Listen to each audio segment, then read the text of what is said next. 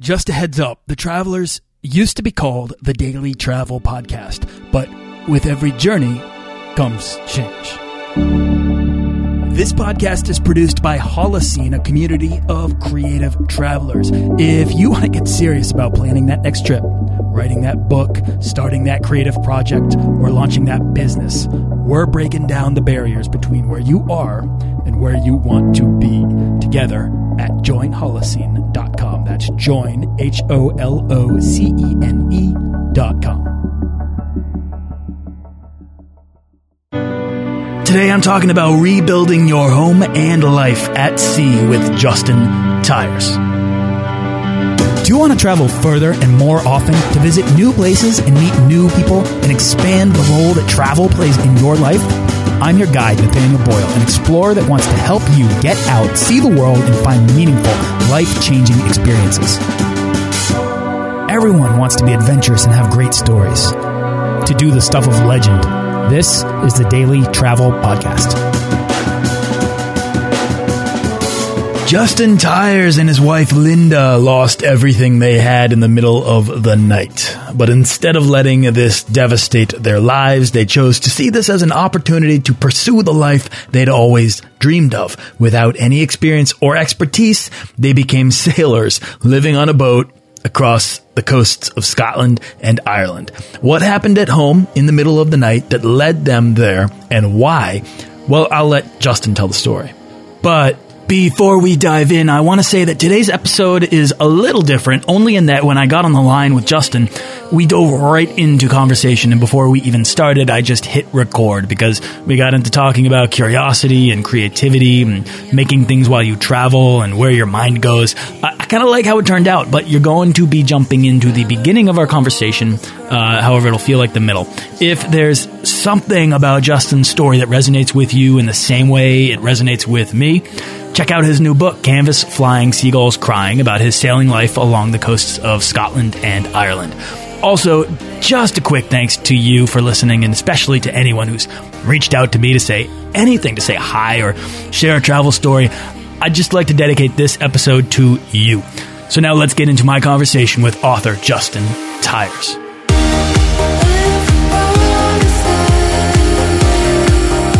I tell you what, just just sprung into my head. There's one of my heroes is um, uh, the playwright George Bernard Shaw. No one knows him these days because he died a long time ago. But he was very famous. He died in 1950. I have a few old leather bound books of his or something. Oh, do you? Excellent, very old. Well, you'll know you'll know where I'm coming from. he was an Irishman, and he said he made some pithy remarks, and one of them was, "A man without an office, I don't care who he is, is a trial of which you can have no conception." And that really spoke to me because uh, if you've got n- no office, uh, and I guess what he was referring to there is nothing to do, you know, nothing to achieve, you're just tormented. And I think all of us, whether we live in the wilderness or whether we're, you know, just so blinkered by our uh, ambition, all of us do need to, to have an ambition.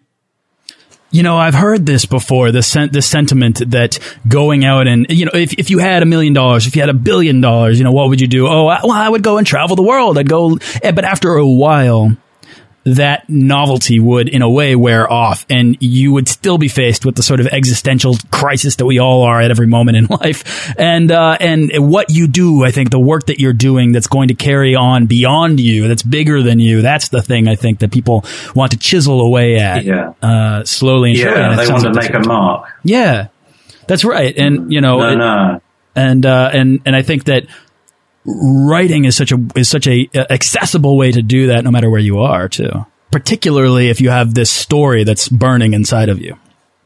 Yeah, yeah. Well, You, f- uh, speaking for myself, I have always loved writing and uh, and wanted to, wanted to do it. But to be perfectly frank, um, 20, 25 years ago, I had nothing to say. That was the problem. and uh, and then um, yeah, one night uh, uh, I had plenty to say because we were we were in a house that caught fire, and uh, um, Linda woke me up at three o'clock in the morning and and uh, you know "What's that? What's that noise? Can you hear that noise?" And we and it was a timber house, so there was this kind of Oh, wow. crunching. Yeah, there was this crunching noise going on. uh, with the occasional kind of splitting wood. Now I was I was terrified just to hear her say it. You know, you wake up at three o'clock in the morning, someone says, "Can you hear that noise?" You know, that's that doesn't normally happen. So I was lying in bed listening to that noise, and yeah, suddenly the idea popped into my head. That sounded like wood burning. So I jumped up and um, ran into the kind of dining room. Now, this was an upside down house. The bedrooms were on the ground floor. Um, the only thing that was on the upper floor was a huge sitting room. And the uh, night before, we'd had a, a, good old roaring fire in the sitting room. And so um, I ran through to the dining room, put my hand on the ceiling, and the ceiling was hot. So I thought, yeah, the uh, you know, I'm going to go upstairs and I'm going to find that the place is just an inferno. And I went running up the stairs and I threw open the door to the sitting room and there was nothing. It was just dead quiet and, um, you know, the, the air was clear. It's just nothing. And, and I was relieved. But as I closed the door, I thought, well, that's weird, you know, so what's, what's going on there? And I just took one look back inside the room and saw a wisp of smoke as though, uh, you know, like you get from a cigarette. That was all there was. But uh, I saw it and I thought, you know, how did I miss that? Ran over, pulled the carpet back because this wisp of smoke was coming up in that tiny gap between the carpet and the brick hearth of the fire. And I ripped, ripped the carpet back and suddenly there was just smoke everywhere. It was wreathing up from the floorboards or the gaps, you know, between the floorboards. Uh, and uh, suddenly I got the picture. The house was actually alight between all the walls, between the ceiling and the floor, you know, in all the carcass of the house, it was alight. That was where the noise was coming from. It just hadn't broken through to any of the rooms yet. And we ran out of the house and, uh, well, I, I phoned the fire brigade actually and I just gave them my address and, and that was all I had time to do. And then the phone went dead. The phone line just went dead and then the um, uh, before I'd even put the phone back in its cradle, the lights went out. Um, but there was this kind of eerie orange glow. And I thought, where's that coming from? You know, you'd expect it to be pitch black. This is three o'clock in the morning. And I looked up and on the, um, uh, strip planking along the, the uh, ceilings, there was a strip of orange light coming from between each board. So it was all kind of shrinking and it was just ready to go. Well, we got out of the house and uh, the fire brigade came along because, fun enough, we were in a small town, but there was a fire brigade right in the town there. So they were there in no time at all. Wow. But uh, they got up the, the house was on a hill. They got up the hill. They got everything set up, and then there was nothing they could do. It was just gone. Suddenly there was a bang, and the whole place just you know burst into flames. Oh my god! And uh, yeah, Linda and I were standing down in the road and we just, you know, couldn't believe what we were seeing because um, we realized that we wouldn't, you know, everything we owned was in the house. We weren't insured. And um, what we, you know, what we, all that we owned now were, were just the clothes on our back. And, uh, and obviously it was very traumatic and, um, Linda particularly was you know, crying away, very, very distressed.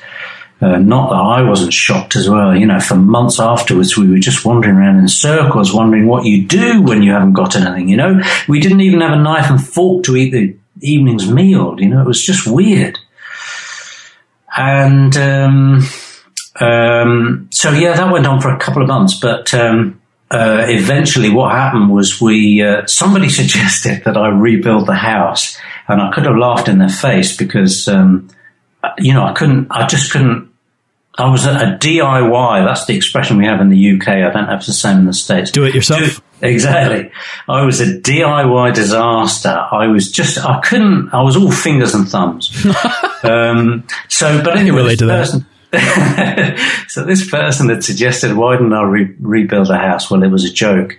But funny enough, uh, I couldn't get the idea out of my head. Huh. And I thought, well, you know, how badly wrong can it go? Naively, but uh, I thought, well, you know, I just if I could just um, um, get started, I'll get a couple of guys along to lay the the block work of the the house, and I laboured for them, and I learnt as I went along. And then a couple of guys came along to do the um, rafters, you know, for the for the roof. And by the time we got the block walls and the rafters, there was nothing else. Obviously, um, uh, you know, the wind was just blowing through the place. But I thought, oh, I can. T- I'm sure I can take over from here. And I learned the skills necessary. And then, um, yeah, and we built the house, and it was and it was great actually. And uh, I learned a lot. Uh, but but chiefly, what I learned was if you think you can do a thing, you can. Interesting. And um, yeah, and then um, kind of the next step a couple of years later was that we got this mad idea, still in you know the naivety. Uh, we wanted to um, go sailing. We thought, why don't we build a boat? And it never occurred to us, you know, that we wouldn't be able to do that. I mean, boat building is obviously a highly skilled um, trade. So we just waded in and bought a load of plank timber and uh, felled some trees ourselves and stuff like that. And only with that first day when we came to start building the boat did we realise we hadn't got a clue. Didn't know where to start it. You know, uh, weren't didn't have any skill. Didn't even know the names of some of the things that we had to build. It was mad. Why weren't you afraid to fail there then? I mean, was it because you didn't have anything left to lose or what was it? I guess, yeah, I guess that's true. You know, that's what had changed because before we, you know, we were working just nine to five and doing all the things that everybody did. And then with that, what that fire taught us was that losing everything, as shocking as it was at the time, kind of sets you free because you know what it is to lose everything. And, and, so you f- you don't fear failure uh, and and loss quite so much because you've already experienced it. You know, hmm. not that I would want to do it again. My God, I'd be just as upset if my house um, and I've got wood to touch in, Nathaniel. But if my house burnt down, I would be I would be in the same place as I was when uh, that house burnt down. But um, no, I think I think you're right in what you were just saying there. That uh, um, you know, it's it's kind of it just kind of gives you permission to take chances, make mistakes, and um, and also tells you, of course, that you know this isn't a, a, a dry run. You know, as everybody says, you only get one life, and uh, um, you know, if you've got a dream, then just go and live it. Just go and just get pitched in Justin, let me ask you, how long had you been living at that house? And I'm asking because I'm wondering how big of a period of time worth of memories accumulated in stuff and things, the stuff that you lost, all of the, the, that sort of inability to go back to the places that, that place that used to be home, you know? I mean, I know what it felt like when my mother sold our childhood home and this place that had always been for 30 plus years had been the place that I could go to suddenly was somewhere I was no longer welcome. It's a very strange feeling. Mm, well, gosh, you touch a raw nerve there, Nathaniel, actually, because that house to me, I had no idea what that house meant to me. Um, okay, it burnt down and we rebuilt it, and it was really the rebuilt house that I had so much affinity with, and I had no idea because we didn't, we never had money. We'd never had money. We had to um, borrow to start this boat building thing. We had to sell the house to finish it. And it was on the day that we were moving out, handing it over to the new people that I just bawled my eyes out because it really hit me that I, I wasn't, I didn't see it coming. I didn't see how painful it was going to be to move out of the house that I'd built. And, uh, uh, and I'll tell you why you, you strike a raw nerve now because I've just made a commitment in my mind. Uh, this is in the last month now. And it feels weird to tell you this because I haven't told anyone else this, but I've just made a commitment to buy that house back. Oh, wow. And just as normal in my life, I don't have any money, so I don't know how I'm going to do that yet um, because the price of it's gone mad. But anyway, that's the commitment that I've just made. Yeah, it was really important. And when you talk about a, um, you know, your family home and your mum selling it, I can I can imagine what you're saying there. Yeah, I think it's this departure from from comfort, departure from familiarity, but also that I don't know what it is. Maybe it's that uh, what, what what is it? Tire swing, like a cliche thing, but it's like a uh, the memory of the trees that used to climb when you were a kid, or that bench inside the house that you used to sit and tie your shoes on when you were younger, or uh, the memories of the relationship that grew in that. I mean, I know that my previous uh, apartment, you know, where I proposed to my wife. I can never go back to that spot. My mistake. I should have done it outside of the apartment, but but, but we did it there, you know, and, and I can't I can't go back unless I were to re-rent it uh, or acquire it in some way. Which seems like you you are. Are you attempting to uh, repossess your past? Well, um, yeah, I, I, I, wonder. I wonder if that's perhaps what I am doing. Um, but in the way that you talk about laying down memories, um, it's difficult, isn't it? You know, we can't really, uh, any of us, I don't think, quite work out why we're so attached to uh, memories from the past. They're, they're so important to us. They've got so many different meanings. Um, yeah, I guess in some ways I'm trying to uh, reclaim my past, but also I loved so much about that house. I had an identity, you know, when I um, when I owned that house, I felt like a complete human being. And, and it's weird because I've had so many adventures since then, Nathaniel, that I wouldn't give up. I wouldn't change anything for the world. But I haven't felt complete since selling that house. And there's something along those lines, I think, that drives me back to, you know, I've, I've, I have nightmares about it sometimes that uh, the house could be ours if only I could just solve this one riddle, you know. And then I wake up and uh, and of course it's all just been a dream. But that's the strange thing. I wouldn't give up all of the adventures that we've had as a result of selling the house the boat building, the miles that we've sailed. We're now living here on a remote Scottish island. It's, you know, been a fantastic adventure. It still is. Every day is a privilege. And yet, I would love to have that house back because I've never felt quite complete since I sold it. Interesting, because it it sounds as if uh, you had invested so much. I mean, I think we all do inherently. We invest so much in the things that we have, or the places that we have, or a home. I mean, there's nothing more. I think that we invest more uh, of ourselves into than somewhere that we have declared home. Whether that's a boat that moves, whether that's the island that you're on now, or this, there's this fixed point on the map that you consider in some way yours uh, because it means that much to you. And I think that's interesting. But uh, Justin, I really want to talk about these adventures that you've been on because you know you wouldn't have been on on any of these had none of this happened. But where have you gone? I, I guess I, I don't have a sense of. I know that you've um, this has taken you through uh, the coast of England to Ireland and Scotland.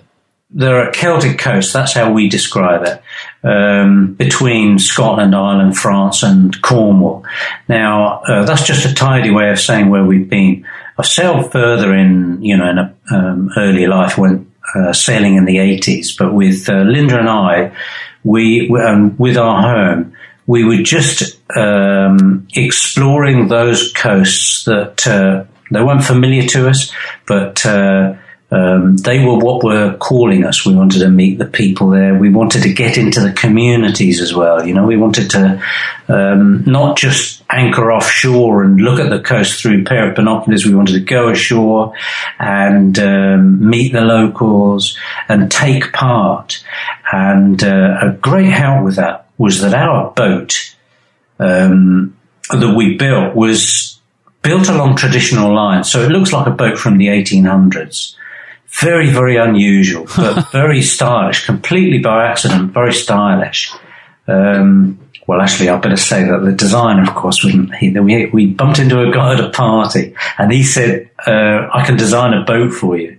Um, and uh, we took him at his, at his word. And I've no idea why we trusted him, but we didn't. And it was his design that we built because before that we were going to build a Joshua Slocum spray and that name will be familiar to you, I'm sure, and many others. Um, but anyway, he persuaded us to build this boat. It looked fantastic when we built it. And uh, wherever we took it, you know, little crowds would gather. We could go up to a stone pier in some little fishing harbour and, um, throw some lines ashore, and before you knew where you were, two or three people had gathered, and we'd be in conversation with them, and uh, they would be welcoming us into the to the community, and um, we loved that. So I guess that there are probably uh, about a thousand miles north to south between the coasts that we travelled, and we travelled up and down many times, always going into slightly different places, always meeting different people. Um, but we'd got this kind of thing that we would go anywhere that we could reach. um, with uh, only one night sail because Linda didn't fancy the night sail too much, and I must admit it, bores me. But uh, she didn't fancy going, you know, far far and wide across oceans. And uh, yeah, as I say, that suited me too. And uh, that gave us the uh, scope for well most of Europe, frankly. But but those are the places that we went to and um, and they're the places that we enjoyed over uh, seven long years. We would um, uh, find work in those places to fund further further voyaging, and uh, yeah, meet the strangers upon the shore. Right, the strangers. That's I'm I'm particularly curious about that. And the first person I think that you mentioned was this person you met at a party who designed a boat for you. Um, as somebody who who built a boat with no experience and then became a sailor with very little experience, if none at all. Uh, was it the people that you met that helped you sort of uh, continue in this way? Because I know that the sailing community is is a very um, it's, it's it's it exists and it's it's very real. Yeah, well, um, of course, you know, we met a lot of people who were also on sailing boats, and some of those were uh, uh, living on board and traveling too, and and. Um, uh, and, and, you know, we we still know uh, many of them after 15 years. You, because you you form such a bond with them because you have so much in common, but also the thing that we were interested in was um, was in getting into those communities where people didn't necessarily sail. And there was a great privilege, you know, in um, uh, pulling up uh, to someone's pier, you know, a town pier, I mean by that, and uh, meeting people who didn't sail at all, uh, who weren't actually particularly interested in boats, but they would just be there because they were out doing their shopping, and you get into conversation, and they would say, "Oh, you know, so um, so, uh, you know, where have you come from? And, um, and so the conversation would go on and we built the boat, you know, and, and really we felt we had more in common with those people because we were in a lot of ways land landlubbers ourselves. We weren't boat builders, but we'd built a boat. We weren't, we never really had desires to live on board a boat, but we were, we, we lived on board a boat for seven years. Um, and we were also, you know, it's as though we were doing the adventure and watching ourselves do the adventure and meeting people who, um, uh, you know, had no um, particular connection with the sea was was was was interesting too because they would they would voice all the questions that we had for ourselves, you know, all the things that we wanted to ask ourselves about why we were doing it and stuff like that. It was it was just great. It was great on both sides, you know, the um, people who love the sea and people who don't particularly love the sea. It was just a great way of getting to meet people. I think that's it. It's that opportunity to feel more connected. I think with other people. I think yeah. to to to just get closer to humanity uh, and and have these interactions with people who are really interested in not just, you know, who you are, but why you are the way you are, why the things that interest you sort of do, why you have made these decisions in your life. Yeah, no, you've struck the nail right on the head there because that's exactly what we're all interested in each other, isn't it? We love to meet people who are doing something that we haven't done and we love to ask them personal questions. If we've got the nerve, we love to ask them what, you know, what possesses you to do that? How did you get the money to do it? What, you know, why are you doing this? It's, it's madness. And the madder the scheme, the more we love it, the more we would love to ask them questions. Yeah, I think you're right about that. It's like you said, if you've got the nerve or if you start a podcast and bring people on, it gives you the opportunity to really sort of connect with more people. I've met more people in this period, not just from doing this show, but from going from from the the the activities that sort of surround it by going to conferences or by going out to events or by traveling with people. Um, it's it's uh, I've met more people in this past seven months than I've ever met in any seven month period of my life, and it's it, it's a by magnitude of ten x. I mean, it's really incredible. So, uh, Justin, let me ask you then that question: the work. I mean, what sorts of work did you find as you went along that helped to uh, fund this? Well, um, the uh, the the thing that probably always leapt to mind for me was uh, because we had built this boat. I did at the end of it have some skills, so I would look for um, uh, joinery work and that kind of thing. And so, uh, you know, I worked in um, cathedrals, helping people install uh, organs, or I've worked on people's roofs. I haven't actually known what I'm doing, to, wow. to be perfectly frank with you, but uh, I have been willing. I mean, I talk in the book about an experience. The first roof that I ever did was uh, was offered to us by a, by a, a, friend of Linda's. Now it's great when you can get a friend to offer you work because you don't have to turn up in a van, you know, looking like you know what you're up to and you've got all the tools. You, you know, they understand, you know. so, uh, we started taking this roof apart. What she'd done was to buy herself an old church, a decommissioned church, and the roof was the worst part of it. It was just rotting in places. So we need, there was a lot of work to be done there. And I was stripping one of the roofs. There were five roofs actually on this one church. I was stripping one of the roofs. I started with the smallest very sensibly. And uh, I was chucking bits of rotten timber down on the ground. And suddenly I had a confidence crisis. I realized I hadn't got a clue what I was up to. And uh, I said to Linda, uh, who was who was kind of supporting me in all this, uh, and her friend Jane, whose church it was, had gone out for the day. I said to Linda, let's just get out of here. I have no idea how all this goes back together. And she calmed me down a bit and she said, well, you know, um, just take your time. take your time and work it out. So I thought, yeah, okay, I'll just measure these pieces of timber and work out. These are the rafters, by the way, for the roof. Uh, measure how long they are and just measure what angle they're sitting on. And then, of course, uh, actually, you know, that's 90% of what a roof is. So, um, uh, you know, I began to breathe again and uh, uh take notes. And uh, yeah, five months later, we'd stripped the whole of this church roof. We'd replaced all the rotten timbers and uh, we'd reslated and re-leaded the roof. So um, all of it, you know, in the same vein as the boat building. We hadn't got a clue what we were up to, but we've worked for people who trusted us. naively as we were, and um, and and got it done. But yeah, by and large, they were um, kind of construction jobs. Uh, kitchen fitting. The confidence to figure out these skills seems to be something that's derived from the experience of losing everything, from having to pick yourself back up again and learn this stuff. Um, one of the things, I mean, were you a writer before any of this? And if not, uh, when when did that start? Yes, I was. I was. I've just got to figure that out. I wrote a couple of uh, I wrote a couple of articles for a magazine, uh, and it was so poorly paid that I, I I didn't really stick with it. But I was offered a job with the BBC uh, as a result of that. Mm. On uh, local radio here in the UK, so I went along and did that. Had a great time, um, and it was that really that um, started it all off.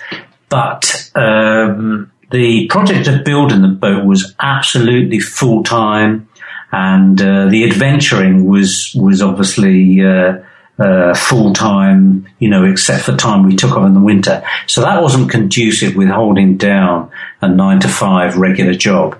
So that the uh, the writing, yes, started early, but it was kind of uh, hit and miss. You know, I would do a bit, and then I wouldn't do anything for a couple of years. Um, but writing the book, uh, Phoenix from the Ashes is my first book. If I can just squeeze that one in, yeah. Nathaniel, I'm sure you won't mind. No. Um, writing Phoenix from the Ashes uh, was something I did here on, on the island when we'd uh, when we'd started renting this farmhouse that I'm talking to you from uh, on uh, Hebridean Island, and uh, the winter was just coming round and uh, you know the weather gets pretty bad. There's not too much outside work going on, so I thought, well, I'm going to sit down and write a book and just see if I can get it published. And very happily, I did. And since then, I've done probably more writing than than than anything else.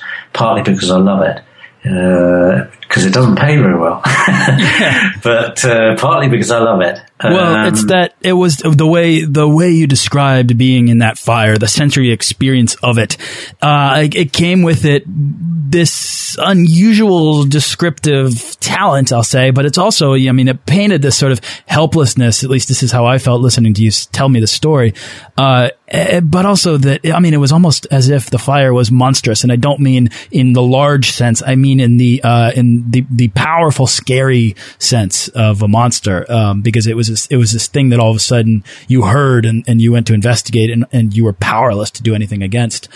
Um, and and and uh, and so it's between it's the crackling of that and then um, and then Justin I'll, I'll, do you all the favors. Your other book is called Canvas Flying uh, Seagulls Crying. And to me those are the two sounds of being at sea that and maybe the lapping of water alongside the boat. But this sense of this sense this uh, appreciation for the senses uh, is something that is is definitely there in your storytelling, which is why I was wondering if that came from the adventure and the in the tragedy, or if this is something that has just been a part of you. Oh yeah, well I see. I I, I guess um, you know my gran always used to say I was too sensitive, uh, and perhaps she was right about that. I do, uh, um, you know, spend a lot of time thinking about things, and I do love tranquility and just just drinking in the stuff that's around me. Um, so yeah, so very uh, everything really is a very full on. Uh, experience, but I do like to record it in words. There's a great challenge there. Uh, you know, you can like we're having a conversation now. We're we're using the words that we're using to express the thoughts that we're thinking, uh, and you think you could just um, uh, so sit down and, and, write that out verbatim, but it doesn't work like that. Writing is a completely different medium and it needs, you know, it needs you to express yourself in different ways. There are so many things going on there. Uh, for a start, um, you know, you can't get any feedback from the first person that you're talking to. You said you don't know how you you're coming across. You have to um, really think it through, and you have to really think what it is that you're trying to say. And I love all that. Um, so yeah, I love having an experience, and then I love going. Uh, and sitting down and, and, writing about it, and uh, in writing any of those books, you know the um, the books uh, have taken me a year each to write. Mainly that's because although they're only 70 or 80,000 words wrong, uh, long, I beg your pardon, I had to write getting on for a million and cross out 900,000 of them. Do you know what I mean? Yeah. Editing it down to arrive at exactly what it was that I was trying to say. And of course, you never quite get there, but uh, that's the challenge and that's the, that's the lovely thing about uh, writing and expressing yourself in words. I think that, I mean, uh, a lot of creative people in general, I think, have this impulse, this need to express themselves in some way, whether that's picking up a musical instrument or laying down words on page, uh, or creating a podcast randomly, yeah. completely unexpectedly. uh, but all of a sudden, you know, here it is, and, and, and conversation becomes the sort of medium or the format. Um, uh, but I think it, this is the thing. You become compelled to design your life around the things that fulfill you. And uh, creative expression is one of those, I think, few things that we need to build into our lives. At least creative people do. I don't, I don't think this is universally true, but, uh, but that people need uh, to, some people need to, to feel fulfilled. Um, yeah, I think that's right. And I, I, think it goes back to what we were saying quite early on about making your mark or feeling that you've made your mark. All of us want to, you know, want the world to know that we've passed this way. And uh, we have different ways of expressing that. Um, but we, we want to make a contribution. We want to make a difference. And um, that's that's the the life challenge I think for uh, a lot of people. And um, you talk about uh, creative people. Yeah, I hadn't really thought that through, but perhaps that's the, um, you know, the category of people who most want to express themselves. That's what drives them to be creative. But I think it's true of everybody.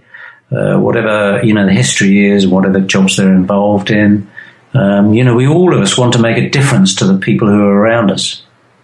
That's it. That's it. Uh, I'm to wrap up our conversation on that point because to me that's the point that we have been heading towards eventually and that's kind of what you're up to And it's just a, a beautiful point to make. So um, justin let me ask you what's exciting you the most right now? Where's your next trip or you know what's your next project well, we have um, the boat that we uh, uh, spend a lot of time on. We've only just come back off it actually from uh, spending the uh, Christmas on it. We just love that. That's a part of our lives. It's not going anywhere. Um, the next thing, Nathaniel, is I want to build a house. And I might just build it with straw bales because I love that kind of technology. I might just build it with wood, but uh, uh, yeah, I want to, I want to, I want to build a house, and I think that's what's next for me. That sounds amazing. Well, that's a far more ambitious project than a lot of people usually answer this question with. Um, is there anything else that you'd like to add to this conversation before we wrap up? Because we've covered a lot of ground. We have, yeah. I don't know. I mean, I'm conscious that uh, here I'm talking about myself, and there's so much that uh, I'd like to ask you, you Nathaniel, but uh, I guess that's not what the podcast is about. I don't know. but uh, I don't know that there's uh, anything that you haven't covered. Of course, there's loads of facts and uh, stuff like that that I could um, drag out. But the great thing about um, our conversations, what I, what I've jo- enjoyed about talking to you, is that you you talk about the spiritual and the motivational side of it. And um, yeah, I think you've I think you've covered everything there and uh, given me a lot to think about again, and I appreciate that. Oh, good. I'm glad to hear that. Um, let's for anybody that does want to learn more about you or any of these facts or or your your books or your writings or that is captivated by your words here. Where can people go to find out more about you or to look up your uh, your two books? Well, my name uh, is uh, so unusual. It's searchable on Google. Fortunately, Justin Tyers, T Y E R S. Um, the books are available uh, through uh, Amazon is the biggest um, online retailer in the in the UK. But actually, looking up on Google uh, for Justin Tyers or for um, Phoenix from the Ashes, will will find me, my website, or uh, an online sale of that book. I would love people to do that, and I would love to hear from people. You know, I'm really uh, touched that a lot of folks get in and you know send me an email from all around the world and tell me what's going on for them and uh, tell me you know they've read the book and uh, how it struck them or um, um, you know what they appreciate about the book and uh, I can't tell you how nurturing that is. Um, I come down in the morning, I find an email from someone I don't know. Uh, they say something very flattering, and it just makes your day blossom. So I would love to hear from anybody who happens to listen to this. Uh, who's who's got something to say, and it doesn't all have to be good. You know, I'm open for criticism too. but uh, yeah, no, I'd love to hear from anyone, and uh, yeah, I would uh, I would welcome to get in touch. Justin, I find sharing your story it's a it's a powerful thing for anyone to do. Sometimes you just have to go out and find that story to tell. Uh, and you've done that, and you've brought it here today. And I and I'd like to thank you for the honesty and for the description and for the the time and the the thoughtfulness to it to your words because uh, this has been nice. I've, I've really appreciated these the the uh, far more casual conversation here than um, most interview shows go. Ah, good. Well, thank you very much for that, and I've enjoyed it too, Nathaniel. Hope to talk to you again one day. Thanks for listening to this episode of the Daily Travel Podcast. For show notes and links to everything in this episode and more, head on over to dailytravelpodcast.com. Join our Facebook page of explorers and subscribe to our newsletter for the best deals and resources to help make your next trip life changing.